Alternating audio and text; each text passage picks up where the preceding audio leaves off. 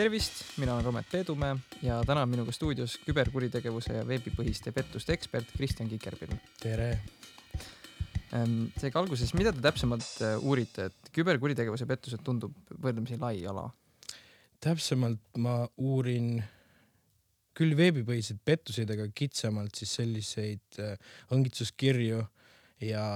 inglise keeles on selle kohta väljend social engineering. Eesti keele vaste on äh, sotsiaalne sahkerdamine, mis ei ole eriti õnnestunud, aga et see võib võtta erinevaid vorme telefoni teel e, e-kirjade teel, sõnumite teel et eh, selles mõttes on ta jah lai, aga ta kitsamalt on selline mõjustamine, et kuidas ma saan ühe inimese tegema tegu, mis mulle kasulik on, paratamatult kipub teisele kahjulik olema mm. -hmm. Mis teid sellise valdkonnani viis? see pikk teekond, noh ähm, minu nii-öelda akadeemiline lasteaed, et selle ma käisin õigusteaduse rühmas ja siis äh, seal selline ainekursus nagu õiguse sotsioloogia oli võib-olla esimene selline, mis lambipirni käima lükkas. et äh, esialgu ma vast bakaastmes uurisin sellist üleüldisemat deviantsust, et normide ees, normkäitumisest kõrvalekaldumist. pigem sellist, et kui sul on kogu aeg räägitud, noh, et õigus, õigus, õigus. Ja siis sa üks hetk avastad näiteks, et usklikud inimesed võib-olla lähtuvad teistest nii-öelda sätetest oma käitumise. erinevad printsiibid jah. just jah, et, et kuidas need äh, niimoodi omavahel kokku põrkavad, et nii-öelda võtad mõne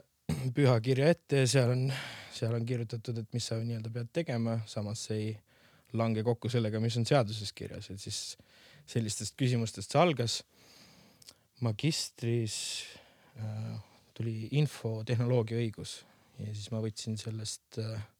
programmist kah osa ja siis lõpetasingi magistrikraadiga, et infotehnoloogia õigusest. sinna tuli juurde siis see nõndanimetatud kübermaailm ja internetimaailm, et, et seda siis nii-öelda deviantsust sealt uurida. kuigi alguses oli rohkem võib-olla siis nii-öelda rahvusvaheliste suhete peale, et kuidas seal on. samas lõpuks ta kuidagi koondus sinna, et ikkagi asi algab inimestest, mida nemad teevad, kuidas nemad ohvriks langevad ja sinna ta sisuliselt jäi. Ja siis selle väljendusvormiks ongi õngitsuskirjad, et mida ma uurin. Mm.. kas seal, kui uurida, siis mis inimestel niimoodi toimub ja peas käib, kas siis ei olnud mõtet psühholoogia peale minna? no erinevaid valikuid on, kui sa õigusteaduskonnas käid, mida tegelikult võiks teha, aga, aga pigem jah, mind huvitas äh, võib-olla rohkem just see äh, ühiskondlik külg seal, et kuidas nad siis, kuidas me siis nüüd koos eksisteerime ja kuidas need nii-öelda mõjud seal ühest kohast teise kanduvad, et ühed kasutavad teisi ära ja kuidas me selle asjaga hakkama saame mm -hmm.. muidugi seal on kindlasti jah, psühholoogiline aspekt, eriti just näiteks, et miks liimile minnakse ja, ja miks langetakse nende pettuste ohvriks äh,. Tihtipeale, kui uuritakse midagi väga kirglikult, siis on mingi äh, isiklik seos, kas te olete ise sattunud ka kunagi andme nii-öelda õngitsuse või küberkuritegevuse ohvriks? ma no ma kindlalt ei saa väita, et ei ole, sellepärast et ma võib-olla lihtsalt ei tea aga enda arust hetkel veel ei ole. muidugi ma ei taha seda signaali välja lasta, äkki keegi võtab seda väljakutsena ja siis aga peab, tuleb rohkem kirju lugeda veel täpsemini aga kas te oskaksite praegu näiteks nimetada mingeid kindlaid viise, kuidas kasvõi vähemalt vältida sattuda ohvriks siis? inimestel kusjuures ma arvan tegelikult, et see esimene signaal on ikkagi, et kõhutunne on see, et kui sa loed mingit sõnumit, siis sa võib-olla ei oska nii-öelda sõrme sinna peale panna, et vot see on valesti, aga miski tundub selle juures vale. et kõige ohutum viis on äh, lihtsalt mitte selle sõnumiga tegeleda. nüüd sinna on kindlasti sellised vastuväited, et noh, aga ma töö juures pean, et see ongi minu ülesanne vaadata neid arveid, mis on manustes aga siis on samamoodi ikkagi sellega, et äh, kontrollida neid äh, kirjade saatjaid, et see tegelikult see, kuidas ikkagi väga väheseks saab selle riski maandada, äh, vajab lihtsalt natukene tehnilist teadmist, et kui sa näiteks oskad lugeda e-kirja originaali, siis sealt on näha, kust see kiri on tulnud. et selles mõttes, et see nii-öelda sulle näha olev saatja emaili aadress, et see võib olla nii-öelda pettus võib näiteks tunduda, no see oligi tegelikult konkreetne juhtum, et äh, Tartu Ülikooli äh, nii-öelda ametlikult e-kirja aadressilt tuli kiri ja sisu oli muidugi selline mitte midagi ütlev, noh nii-öelda kahtlane, kui sa vaatasid e-kirja originaali, siis sa nägid, et ta tegelikult oli pärit kuskilt Venemaa serverist selles mõttes, et noh, et, et sellised asjad nagu noh, samas inimesele, kes, kes nii-öelda ei tea seda vaadata, talle võib-olla tundub, et tõepoolest oligi sealt ut.ee aadressilt mm. -hmm. ja sellise asja uurimine, nagu te ise ütlesite, nõuab siis tehnilist teadmist, et vägagi sihuke levinud arusaam on, et just petuskeemide õnge langevad vanainimesed peamiselt. et kas see on, seal on mingi seos?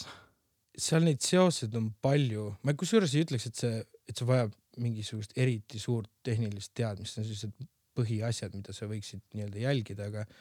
või osata jälgida, et kui sa tahad e-, eriti ohutuna olla, aga kuskil mulle jäi meelde üks number, et kas see oli äkki, et inimesed on nii-öelda oma finantsmõtlemise tipus on vist kuskil äkki, kas oli viiskümmend kolm või viiekümne viies eluaasta, et pärast seda nii-öelda need otsused lähevad veidike kahtlasemaks. aga üldiselt äh, on leitud erinevaid äh, nii-öelda tulemusi, et kas siis nüüd on vanemad inimesed rohkem ohvriks langemas või noored, sest näiteks teistpidi on see, et võib-olla vanem inimene ei kasuta nii palju noh, neid erinevaid suhtluskanaleid, noored kasutavad rohkem, mis nii-öelda tõenäosuse mõttes suurendab just seda, et, et seda pinda on rohkem, kust, kust rünnata näiteks noori inimesi, kes mm -hmm. nii-öelda võib-olla üldse noh, nii-öelda töötlevad seda informatsiooni, mida nad tarbivad kuskil seal niimoodi kõrvaliselt, et nad ei keskendu kogu aeg, et siis on võib-olla lihtsam tõmmata nii-öelda lõksu inimest. et seal, seal on kindlasti neid erinevaid aspekte jah, tõepoolest, et mis mõjutab näiteks teatud eagrupis, aga sellist ühest niimoodi juhist on keeruline anda. Kas on ähm, või, või üldiselt, mis on sihuke suurim tavainimesele oht? see, need ohud äh, et jällegi, et see, see vahemik on seal hästi suur ähm,. oleneb nii-öelda, mida pätt teha tahab. et äh, noh, kõige tavalisemad on see, et, et soovitakse kätte saada siis sinu teatud isikuandmeid. et juhul, kui need siis kuskile reisima lähevad, siis võib-olla sa hakkad nii-öelda rohkem e-kirju saama, et sa oled registreerunud kuskile, kuhu sa ei ole registreerunud.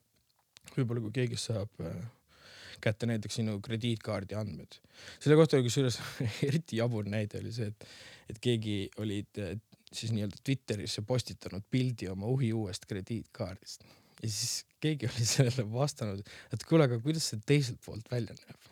ja siis oli ka teisest poolest saanud pilt. noh, ühel pool on number, teisel pool on kood, mille on vaja selle kinnitamiseks, noh ja niimoodi inimesed siis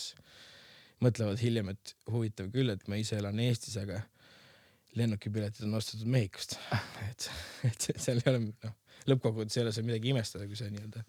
tead, milleks neid on võimalik kasutada ja kuidas teised sinu käest neid asju küsivad mm. -hmm. Mm, kas on midagi, mida nii-öelda tavalised inimesed ei, ei peaks eriti suureks ohuks üldiselt lihtsalt neti nii-öelda sügavustes olles, aga mida tõesti, mille eest peaks nagu jälgima ikkagi hoolikamalt, mille eest peaks hoiduma ma arvan, et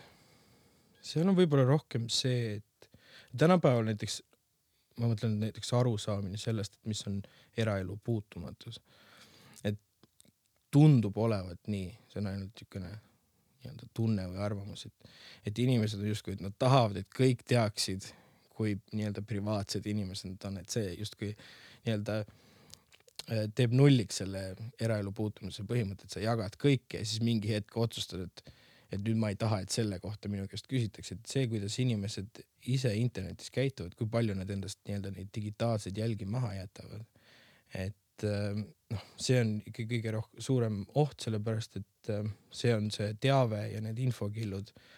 mille põhjalt lõpuks nii-öelda sinu kohta pilt kokku pannakse. et äh, kui kelvid näiteks üritavad mõne suurema ettevõtte äh, noh, juhi käest nii-öelda saada andmeid kätte, siis nad kõigepealt uurivadki, mis on see avalikult kättesaadav teave, et noh, millega nad tegelevad, võib-olla mis nende hobid on, kus nad puhkamas käivad, kõiki selliseid asju, näiteks isegi äh, mis need on, need out of office äh, sõnumid, et nii-öelda kirjale on pandud see automaatne vaste, et saadad kirja, tuleb tagasi, et näed, ma olen nüüd nii-öelda puhkusel nädal aega, noh siis ongi täpselt see, et ahah, et kus ta puhkusel käib, mis ta seal teeb. nüüd oleks õige aeg nii-öelda saata see kiri, et, et kuule, et näed, ma olen puhkusel, tee kiiresti see ülekanne ära, et see noh, need just need infokillud, väikesed asjad on, on kurjategijatele äärmiselt kasulikud, mida vähem sa endast neid ebavajalikke infokilde kuskile netiavarustesse jätad, seda, seda paremini sul läheb mm,. väga, tänapäeval üldiselt inimestel on suur teema enda privaatsusega ja sellest hoidmine, aga on nagu päris palju nii-öelda, kas noh, kui on paranoia, et on sellel mingit alust, et, et meid pidevalt jälgitakse nagu? see on, see on nii ja naa, et see, see on rohkem, see on selline nii-öelda natuke kõlab selline USA värgina, et, et, et valitsus ja, ja kõik seda üldiselt inimesed tegelikult ei ole nii olulised, et neid jälgida. muidugi, kui nad miskipärast muutuvad oluliseks, siis on tõepoolest sellel nii-öelda paranoial põhjust, aga noh, ütleme kõike peaks ennast kuskile maa-alusesse punkrisse eraldama, et see, see tegelikult nii ei käi. jah, see ongi tõesti, et kui sinu vastu tekib huvi, siis see on üsna lihtne, aga üldiselt lihtsalt inimeste vastu ei ole sellist huvi, et, et neid pidevalt jälgida no see no, inimesed, ma mõtlen, et see on kuidagi ka mõnes mõttes keeruline, sest et äh, inimeste jälgimine ei ole selles mõttes ju üldse keeruline. Facebook ju nii-öelda kõik need suurandmed, mis inimeste kohta kogutakse, sealt on võimalik vägagi terviklik pilt ühe inimese käitumise kohta kokku panna, et kui sa tegelikult soovid seda või kui sul nendele andmetele juurdepääs on. Et, et see on niisugune kahe otsaga küsimus. üldiselt ma ei paanitseks selle kohta, ma lihtsalt pigem kontrolliks seda, et milliseid jälgi sa iseendast maha jätad sinna netiavarustesse. et äh, lood, kus inimesed on öelnud, et, et rääkisin üks päev, telefon oli ligiduses, rääkisin Rootsi kruiisist ja siis nädal aega sa näinud Rootsi kruiisi nagu reklaami, et siis. on, see, see on huvitav, sellepärast et äh, oli samasugune juhtum Inglismaal. sõbrad tahtsid madratsit osta ja minul ei olnud seal noh, nende pool viibides madratsite vastu erilist mingit huvi. Mina sain ka Google'ist reklaami, et need siuksed madratsid, siis ma jäin mõtlema, et huvitav nüüd, et see oli siis nüüd seal mikrofonist kuulata, no ja siis ma selles mõttes jätsin ta sinnapaika, et eh, ma noh, võib-olla siis seda tõepoolest kuulatakse, aga see oli ainult turunduslikel eesmärkidel, see ei tundu nii ohtlik, aga see on noh, muidugi kõik saavad nii-öelda noh, ma ei taha neid häkkeriteks nimetada, loomulikult nad saavad sul vajadusel mikrofoni sisse lülitada ja kuulata, kui neil on juurdepääs telefonile, et seepärast nii-öelda pannaksegi ikka asjad mikrolaine ahju ja kõrvetatakse ära, et kui on vaja jälgedest lahti saada aga siis, kui nende eesmärk äh, nagu ainuke ainus eesmärk on äh, turundus, siis see suurt ei mõjuta. no see jah, see kuidagi see, on võib-olla isegi, võib-olla on see vale, aga see on pigem selline nii-öelda ohtude võrdlemine, et noh, okei okay,, nad saadavad mulle nüüd selle reklaami, et jah, tõepoolest, et see on ebameeldiv ja see võib-olla häirib, aga noh, see ei ole nii-öelda kõige hullem asi, mis juhtuda võib, et, äh, et vot mul ei ole kindlat seisukohta selles, et ma ei ole seda niimoodi just selle, seda jälgimise poolt niimoodi vaadanud sellise põhjalikuma pilguga, et mis seal võimalik on. muidugi jah, et see, seda on, see on küll võimalik, et kaamerat jälgida ja, ja mikrofon sisse lülitada, et kui sul on juurdepääs olemas seadmele mm,. rääkides ähm, paroolidest siis äh, noh, tänapäeval on väga suur teema selles, et kui kõik on kättesaadav, häkkerid on igal pool äh,, et kas paroolidega, kui ettevaatlik nendega olla tasub, öeldakse, et kirjutage parool, mis on viiskümmend tähemärki ja et seal oleks kõike muud. et kas te ise kasutate või midagi, mis on konkreetsemalt turvalisem? Ma olen viimasel ajal, ma tunnistan üles teatud mugavuse hakanud kasutama seda. Google Chrome'il on see, et ta pakub sulle selle raskesti äraarvatava selle ja siis neid kasutan. üles ma neid ei kirjuta, kuigi noh, kui sul on mõni turvaline koht, kus neid hoida kodus või kuskil, siis enda jaoks võib-olla, kuigi samas see on nii-öelda selline äh, põhjalik viga on tegelikult üldse kuhugi neid asju üles kirjutada, et see, seda nii-öelda kuskil töö juures kindlasti teha ei tohi, et, et inimesed, noh, inimesed muidugi järjekordselt nii-öelda käituvad vastupidiselt nendele soovitustele, et ärge kirjutage üles ja, ja valige endale keeruline see, et noh, mõnikord lihtsalt otsustatakse mugavuse kasuks ja ikkagi kasutatakse nii-öelda lihtsasti äraarvatavaid asju. et, et see, ta peab ikkagi olema loomulikult keeruline, lihtsalt see küsimus ongi täpselt see, et kuidas inimene ise haldab seda, seda kogu seda keerukust, et sul on nii-öelda, ma ei tea, nelikümmend viis kontot ja igalühel kakskümmend viis tähemärki parool, et, nüüd käi ringi ja hoia neid meeles endale, et selle jaoks on jah erinevad tarkvarad olemas, mis on ka nii-öelda ongi paroolide hoidmiseks, mis on, et sa sisuliselt pead eh, nii-öelda meeles pidama ühte sellist keerulist parooli, et kui sul on vaja vaadata teisi paroole, et siis sa lihtsalt nii-öelda logid sellega sisse ja siis vaatad, et mis see parool seal on. see on ju noh, nagu mitme kihiga kaitse lihtsalt, et sinu töö oleks ainult ühte meeles hoida et üldiselt inimesed siis ikkagi pooldavad seda mugavuse poolt, aga kas. kipuvad olema, sellepärast et no eks see on kõik ju, see selles on ka selline debatt on olemas täiesti, et kas seal toimub nii-öelda mingi siis äraandmine, et kas on võimalik üldse saavutada turvalisust ja kas on võimalik saavutada turvalisust nii, et kellegi privaatsust ei rikuta või mitte, et see on samamoodi, et, et noh, sa ju kui nii-öelda teatud loogikaga sellele läheneda, et sa oled ju kõige turvalisem siis, kui noh, nii-öelda kogu aeg kellegi nii-öelda kaitsesilmad on sinu peal, et noh, et võib-olla siis, kui politsei kogu aeg kuulab, mida ma teen ja kogu aeg vaatab, mida ma teen, et siis ma olen hästi turvaline. no aga inimestele ei meeldi ka see, et, et kogu aeg jälgitakse. ja siis teine asi ongi see, et kui sa nii-öelda oled hästi privaatne, et siis kas nüüd, kas nüüd siis ja ise ei tea näiteks, et sa ohvriks kuskil oled langemas või langenud, et siis samamoodi on see turvalisuse probleem, et see on selline kuidagi jah, et, et kuidas see kauba tegemine seal käib, et kas seal on niimoodi, et pead ühest ära andma, et teises võita või mitte. aga inimestel on jah, tehnoloogia areng selles mõttes ongi viinud, et nii-öelda samm-sammult inimesed justkui mugavuse nimel annavad ära osakese oma sellest eraelu puutumatusest, et noh, et läksime kirjadest telegrammideni, kus oli muude noh, telegramidest nii-öelda edasi, see on e-kirjad, need on, need on kaitsmata ja, ja nii-öelda sotsiaalmeedia postidesteni välja, et et kui palju tegelikult inimesed enda kohta infot jätavad, et see just ongi see ja millise kergusega nad seda teevad, et nad noh, ei mõtle nendele tagajärgedele, võimalikele tagajärgedele, kui ma nüüd siin jagan seda, et siis mis edasi saab. no kui sa mõtled näiteks kasvõi noh, ei oska öelda, et mõelda tagasi aega, kus sotsiaalmeediat ei olnud, et, et kui palju sa siis tegelikult inimeste kohta teadsid või tänapäeval on ka võid küsida seda, et, et ma ei tea, kuidas kellelgi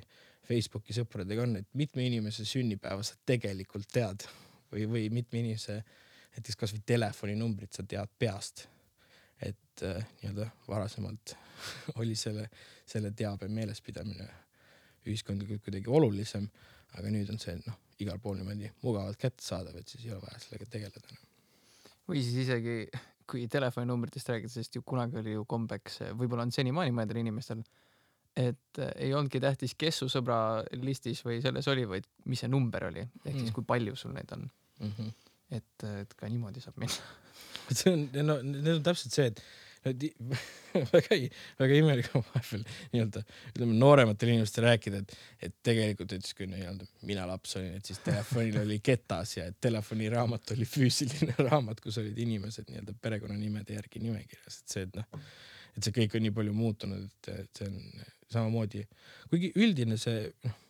see mõtlemine ongi see, et näiteks, et insenerid, kes tarkvarainsenerid, et ähm, kes neid lahendusi loovad, et sisuliselt ju ega inimesed näiteks ei hakanud sildasid ehitama sellepärast, et neil on nii-öelda väga igav oli, et nad lihtsalt olid aerutamisest väsinud. Ja siis neil oli vaja nii-öelda leida lahendus, kuidas kiiremini, kuidas mugavamalt ja niimoodi ta on järjest läinud ja siis jõuamegi kohta, kus nii-öelda kõik, kõik asjad on selliselt nupuvajutuse kaugusel, et siis, siis on sealt teatud asjad, mis on nii-öelda välja lülitatud turvalisuse mõttes ja, ja, ja eraelu puutumatuse mõttes, et sa oled ise nõus andma oma andmeid selle jaoks, et siis mingisugust mugavat teenust saada. sa enne mainisid ka, et, et just, et siis, kui inimesed jagavad oma andmeid ja tihtipeale nad ei mõtle selle peale, et vist praegu vist proovitakse ka rohkem kuidagi esile tuua neid tagajärgi visuaalseks teha mm. -hmm. et äh, kas see võiks toimida, sest üldiselt on ka ju väga selline out of sight, out of mind teema, et kui ei näegi, et siis sul lihtsalt ununeb. kusjuures see oli, just hiljuti sattusin äh,, Euroopa Liidul oli teinud uue küsitluse, et inimestel, et nii-öelda ühest küljest oli tõusnud see protsent inimesi, kes siis on nii-öelda peavad ennast paremini nii-öelda teadlikuks sellest küberkuritegevuse ohust. ja siis teisest küljest oli langenud see protsent, kes siis tegelikult arvavad, et nad saavad ohutult internetis nii-öelda tegutsemisega hakkama. et see justkui näitab, et seal on mingisugune asi puudu. et eh, kui me oleme praegu näiteks veel noh, staadiumis, sellises staadiumis, kus tõepoolest on ikka veel vaja rääkida nii-öelda teadlikkusest, lihtsalt sellest asjaolust, et niisugune asi toimub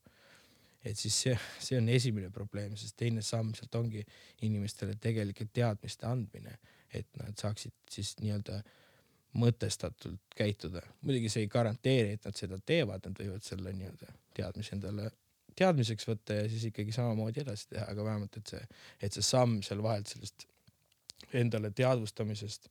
teadliku käitumiseni, et see on see koht, kus me parasjagu tundub, et viibime. et see kõiki neid samu meetodeid just äh, nii-öelda noh, kasvõi näiteks seda, et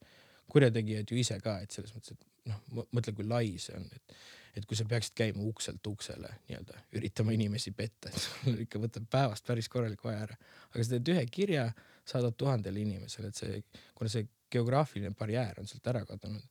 siis on äh, nii-öelda see tulv on palju suurem ja, ja samamoodi ongi siis võiks ka nii-öelda mõelda sellele et kuidas siis sellele vastu hakata, samamoodi näiteks kasutada mingisuguseid, ma ei tea, netipõhiseid kursuseid või noh, jagada seda õiget teadmist äh, selle kaudu, et kasutada nii-öelda sedasama,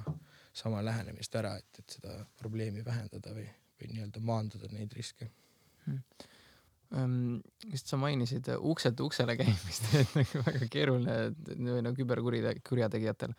et äh, ja ka ennist seda siis, et äh, nii-öelda kõik paroolid ja asjad ja pildid ja failid on inimestel tavaliselt ühes kohas. et kas, kas on siis tegelikult mõistlik laadida kõik oma asjad kuhugi cloud'i üles? kohati on minu jaoks see, et see on, see on selline elufilosoofia küsimus rohkem, et kuidas ma siis arvan, et ta tegelikult nii on, sest samamoodi võib ju juurde pääseda sinna pilvele, et kui see on, hallatakse kuskilt nii-öelda kesksest kohast, et siis kõigele sellele juurde pääseda tuleb lihtsalt see üks koht maha võtta, et üldiselt on see, et kui sa hoiad kõiki asju ühes kohas, siis nii-öelda pätid ka sihivad seda ühte kohta, et kui sul on ikkagi nii-öelda killukesed erinevalt kuskil nii-öelda laiali, siis jah, üks võib nii-öelda kahjustada saada, aga teised jäävad puutumata, et üldiselt jah, kui sul on selline lahendus, siis pigem laenad erinevatesse kohtadesse või, või tee neist nii-öelda varukoopiad kuhugi füüsiliselt niimoodi, mida sa hoiad eraldi, et aga need on kõik sellise mõistliku turvalisusega lahendused, millel tõenäoliselt on võimalik eh, juurde pääseda, sest et asi taandub lõpuks selleni, et noh, kuna inimesed on need lahendused loonud, siis inimesed on ka need, kes suudavad need lahendused nii-öelda sinna sisse murda, et, et see lõpuni turvaline ei ole kuskil. samas ei maksa muutuda paranoiliseks. et, et kas oleks liiga paranoiline hoida siis kuskil kodus eh, vanema arvuti peal krüpteeritud failide seas kõik oleneb, mis faile sa seal hoiad. See noh, vot see ongi täpselt see, kõik oleneb sellest ju ka, et kuidas sa ise seda tähtsustad, mis tähtsusega nüüd see fail sul on või et sa pead, selles ongi see asi, et need, inimestele tuleks pigem anda või jagada seda teadmist, et kuidas sellest mõelda või kuidas sellele läheneda, äh, millised lahendused on olemas ja milline lahendus on siis sinu jaoks sobiv et mitte nüüd minna reklaami pealt, et näed, see lahendus on super hea, kasutage seda lahendust, inimene mõtleb, et oh, see on hea lahendus, ma nüüd kasutangi, et pigem, et seda oskust nii-öelda uurida, millised teised võimalused veel on, et kas on midagi, mis on sinu jaoks mõistlikum nii-öelda parasjagu või just näiteks nende failide jaoks, et siis nii-öelda teha ise see otsus, seda nii-öelda innustada inimesi ise sellest huvi tundma rääkides siis äh, sellest, et mis faile sa seal hoiad, et oleneb selles mõttes, et et ju praegu on või noh, tänapäeval üldiselt vägagi siuksed skandaalsed kuulsuste, ütleme, erapiltide levitamine on väga kuidagi, ei taha öelda nagu moodsaks läinud, aga. jah, ta ikka käib siin ju nii-öelda mõne mhm. aasta tagant või kord aastas niimoodi mingi need suured foorumites kasvõi need postitatud, no see ongi, see on täpselt nii, et, et see see on imelik, kui sa annad inimesele need tööriistad, millega ta saab kõike jagada ja kõike salvestada ja noh, mis iganes ta teha tahab. ja siis on olemas alati grupp inimesi, kes siis soovib näha, et mida siis seal on salvestatud. ja nüüd pane sinna see internet ja nii-öelda kõik saavad kõigile ligi juurde ja siis sa saadki kogu aeg neid skandaale lihtsalt järjest ja järjest ja järjest, et, et noh, sellele, neile küsimustele on, on tegelikult hästi keeruline vastata, sest et see, see ongi see puutepunkt, kus saavad kokku selline praktiliselt nii-öelda kõike jagamise mõttes võimaldav tehnoloogia ja, ja ühendatus ja siis see inimloomus, mis on alati siukene nii-öelda raskesti arusaadav nähtus um,. aga kas sellise asja eest, äh, ma kujutaks ette, et on mingit sorti karistus ikkagi tõenäoliselt onju? ma arvan küll, et sellest on karistus, kusjuures ma pean sellele mõtlema natukene.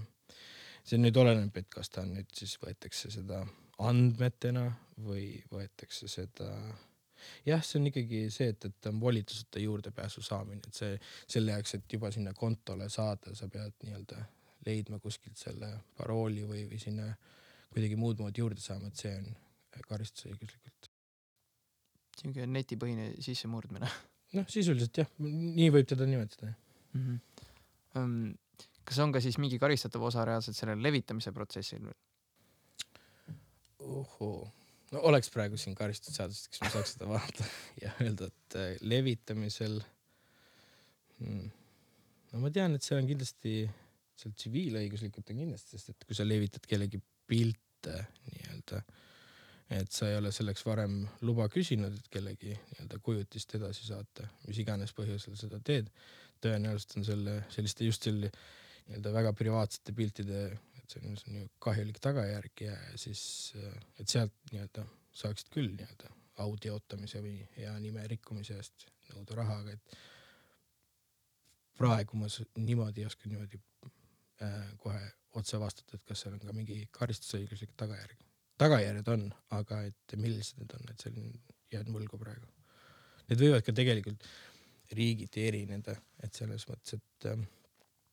kuna ma just äh, nii-öelda hiljuti vaatasin just nende piltide kohta, et kuidas pilte ära kasutatakse ja mis siis selle vastu teha saab, et see on näiteks riigiti nii erinev. Põhjamaades on see karistusõiguslik, on see noh, kultuuriliselt selline, et oh, et au rikkumine, et see on nagu alati olnud seal oluline, et see on nii-öelda suur rikkumine. teistes kohtades on see rohkem selline tsiviil, tsiviilõiguslik, et jah, et sa oled põhjustanud kahju, sul tuleb see hüvitada, aga noh võib-olla mingeid suuremaid tagajärgi ei, ei kaasne, lihtsalt selline rahaline kohustus kellegi nime teotamise eest. Mm.. Mm, sa ütlesid enne, et sinu äh, nii-öelda peamine teema on siis äh, andmepüük ja kõik see. Äh,. vaatasin, et te kaks tuhat kaheksateist aastal vist kirjutanud teadustöö Andres Ibakuga. E,. selle konkreetse teema kohta. Ja seal oli, et teil oli kirjutatud sinna, et umbes kakssada kaheksakümmend üks miljardit emaili saadeti ja üks igast kahe tuhandest oli andmepüügi katse. kas praeguseks on see number tõusnud, vähenenud? Äh, vot ei ole kursis praegu, ütlen ausalt, see noh, see muidugi see, see muutus seal on kindlasti see noh, nii-öelda kui sa võtad selle koguse kokku, ma arvan, et on suht-koht sama, muidugi kõik tol hetkel kui ma nüüd õigesti meelde tuletan, kõiki neid asju ju ennustatakse, et kogu see mass alati ainult suureneb, et ta ei nii-öelda ei tõmba kokku seal, et tõenäoliselt on, ta on sama või suurem. et, et see on ikkagi, see ongi see, et, et kui lihtne seda teha on. et see on jälle see ukselt uksele käimise näide, et seda tehakse vähem, kui see oleks nii lihtne ähm,. aga juhul kui tõesti saadakse hakka andmepüügiga, võib-olla isegi peetakse raha välja, sest noh, päris raadios on ikka paar korda kuulnud, et inimesed jäävad, lähevad õnge, jäävad rahast ilma. kas, ma ei kujuta ette, et kui sa jääd suurest kogusest rahast ilma, et, et riik kompenseerib sulle selle raha, tõenäoliselt mitte, et kuidas see laheneb siis olukord? sellega on, sellepärast ongi ennetamine nii oluline, sest need tegelikke, kui on näiteks suuremad asjad ja saadakse varakult jälile, et äh, Äh, nüüd viimases uurimustöös oli samamoodi, et, et see oli näiteks Iirimaalt, et äh, kui näiteks need ähm, koroonaviirusega, siis need noh, just need maskide hanked näiteks, et see ei olnud ainult niimoodi, et inimesed ise ajasid taga, et kust veel saada maske, vaid et see oli noh, nii-öelda riikide tasandil. ja siis kuhu, kuhu neid nii-öelda äh, hankeid tehti, et need ei olnud ka kõik siuksed, et neil ütleme tegelikult neid maske ei olnud. et, et suured rahad liikusid seal ja siis võib-olla kui sa varakult jälile seal saad, siis sa saad lihtsalt tühistada ära need tehingud ja selle nii-öelda raha tagasi. Aga kui see on juba läbi läinud ja seal on mingisugune aeg vahele jäänud, siis, siis on tõesti see, et noh, see, sellest rahast sa oled lihtsalt ilma, et isegi kui seal nii-öelda võib-olla hiljem see kelm kätte saadakse, vist oli hiljuti üks just uudis, et, et siin mõni aeg tagasi, mis Eestis need lained käisid, erinevad petukõned olid vist need just ja siis ähm, vist Rumeeniast saadi kätte kolm, kolm isikut, minu arust oli selle kohta uudis. et aga see samamoodi ongi see, et et millist, et see kõik nii-öelda peab toimima, et õiguskaitseorganid tõesti tegelevad sellega, kui sa nüüd mõtle ise nendele nii-öelda kogustele, mis neid e-kirju on. ja kui vähe sellest, isegi kui sa lõksu langed, kui vähe sellest antakse teada, see protsent on äärmiselt madal. Et siis, kui palju tegelikult seda kadu seal on, nii et mis nii-öelda täiesti lendab radari alla, et, et see, sellepärast ongi see ennetus seal nii oluline, sest nende tagajärgede kustutamine on kas ülimalt keeruline või sisuliselt võimatu. ja mõtlen, et äh, kas on, sest vägagi tänapäevasel teemal on äh, just ju nüüd noh, tehisintellekt areneb kogu aeg. nii-öelda, et kui palju raskendab tehisintellekti areng nii-öelda küberkuritegevusega võitlemist üldiselt? ma ei tea, kas ta tegelikult raskendab, pigem on see, et, et et ta isegi lihtsustab selles mõttes, just näiteks kirjade puhul on see, et kui sa lased nii-öelda oma algoritmidel uurida seda, noh, masinõppe puhul isegi üks näide on see, et mida ka tutvustatakse, on just näiteks rämpsposti äratundmine, et nii-öelda kasutada neid, millised sõnad ilmnevad, kui lähedal üksteisele, et, et selle põhjal tuvastada näiteks rämpsposti, et see samamoodi võid kasutada ka nii-öelda teiste petukirjade tuvastamiseks. et see on, see on jällegi, see on üleüldiselt on tehnoloogia puhul on alati see. Ja miks nendele küsimustele on raske, sa võid tuua konkreetseid näiteid, aga miks neile on raske vastata, on see, et, et inimene valib, milleks ta seda tehnoloogiat kasutab, et see on nagu alates kivikirvestest on täpselt sama, et mida sa raiud on ju või keda sa raiud, et seal noh, et see vahe on alati keeruline tuvastada. Jah, nad võivad seda kasutada kuidagi ka ise selle tegemiseks, no näiteks ongi see Äh, tehisintellekti äh, abil süvaõppe nii-öelda tehnikate abil, kui tehakse süvavõltsinguid ja näiteks äh, see, meie siin lindistame praegu heli, keegi võtab selle heli, kasutab teatud nii-öelda võtteid selle kallal ja siis saab meie häälega nii-öelda nii-öelda petu, petukõne teha. Ja noh, kui sa nüüd äh, ma ei tea, kui palju suurettevõtteid meie juhime, aga et kui sa teed seda, sedasama asja teed nii-öelda mõne suurettevõtte juhiga ja siis võtad ühendust näiteks, ma ei tea, raamatupidamisega, ütled, et see, see ülekanne on vaja ära teha, jätad siukse häälkõne sinna, võib-olla tehakse, on ka tehtud sest jah, ma kujutan ette, et noh, need süvavõltsingud ja niimoodi, et need on ju mõeldud, et minna rohkem ja rohkem inimlikumaks. et ja sa päris nii-öelda intervjuu alguses isegi mainisid, et et ainuke, no mitte ainuke, aga peamine viis, kuidas ennetada sellist nii-öelda petuskeemide õnge langemist, oleks kõhutunne. et kas nii-öelda, kui, mida paremaks need süvavõltsingud lähevad, seda väiksemaks tõenäoliselt läheb inimestel kõhutunne siis ka äkki, et aru saada. see võib nii olla, hetkel veel. veel mitte hetkel veel ei ole, aga see on tõenäoliselt sihuke lähitulevik on see, et kus sa tõepoolest no nii-öelda palja silmaga on praktiliselt võimatu vahet teha seda, et kas see nüüd nii-öelda toodetud digitaalselt või siis see on nii-öelda sinu selle videos räägib nii-öelda inimene nii, nagu ta rääkis. Hetkel on see veel vahe sees, samamoodi on ka see, võetakse konteksti ja, ja see,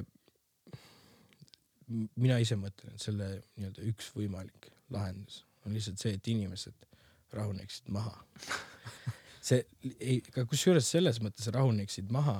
et nad ei tõttaks kohe jagama kõike, mida nad näevad, et seal, kui sul tundub, et see on ikkagi tundub, et kahtlane, näiteks kahtlus ei tule ka ainult sellest, et nii-öelda, et see pilt tundub seal niisugune imelik või et heli kuidagi hakib, vaid ka sellest, et mida ta räägib ja kuidas sa nii-öelda paigutaksid selle ümbritsevasse konteksti. ja kui see tundub kahtlane, siis võib-olla oota, sest et kui teised nii-öelda eh, ütleme näiteks selle video käivad nii-öelda nii-öelda raam-raami abil läbi, et siis nad näevad seal neid eh, muudatuste kohti ja siis öeldakse, et see video ei ole õige, et natukene oodata, enne kui sa hakkad jagama kõiki asju, mis nii-öelda tunduvad skandaalsed, et, pigem nii-öelda seedida natuke kauem seda infot, mida sa tarbid. kõlab nagu hea nõu üldiselt. On teil midagi üldist, mida tahaksite või mingeid, midagi, mida nii-öelda, mingeid näpunäiteid, mida anda inimestele üldiselt? ma arvan, et see üldine, see inglise keeles on nii hea see väljend, et if you play stupid games, you win stupid prizes mm. et see, see on täpselt see nii-öelda, et jah, et kui sa mängid tobedaid mänge, et siis sa võidad tobedaid auhindu, et, et see ei nii-öelda tekitada iseendale see niisugune see huvi selle vastu, mis tõepoolest sinu andmetega saab ja mis siis nii-öelda sinu endaga saab, kui sinu andmetega midagi juhtub, et, et et noh, ise olla hoolsam selles mõttes ja, ja mõtestatult tegeleda sellega, mitte et nii-öelda iga juhtmeid hakata seinast välja tõmbama seda enam tänapäeval ei juhtu, aga, aga jah, mõelda läbi see, et mida jagada, kuhu jagada, kuidas hoida enda jaoks olulisi asju ja nii-öelda siis tõesti maha rahuneda, natuke aeglasemalt mõelda nendele asjadele, mida sa loed ja näed ja kuulad. hästi, aga sellel juhul suur aitäh, et tulite stuudiosse. väga tore jutuajamine oli järgmise korrani. just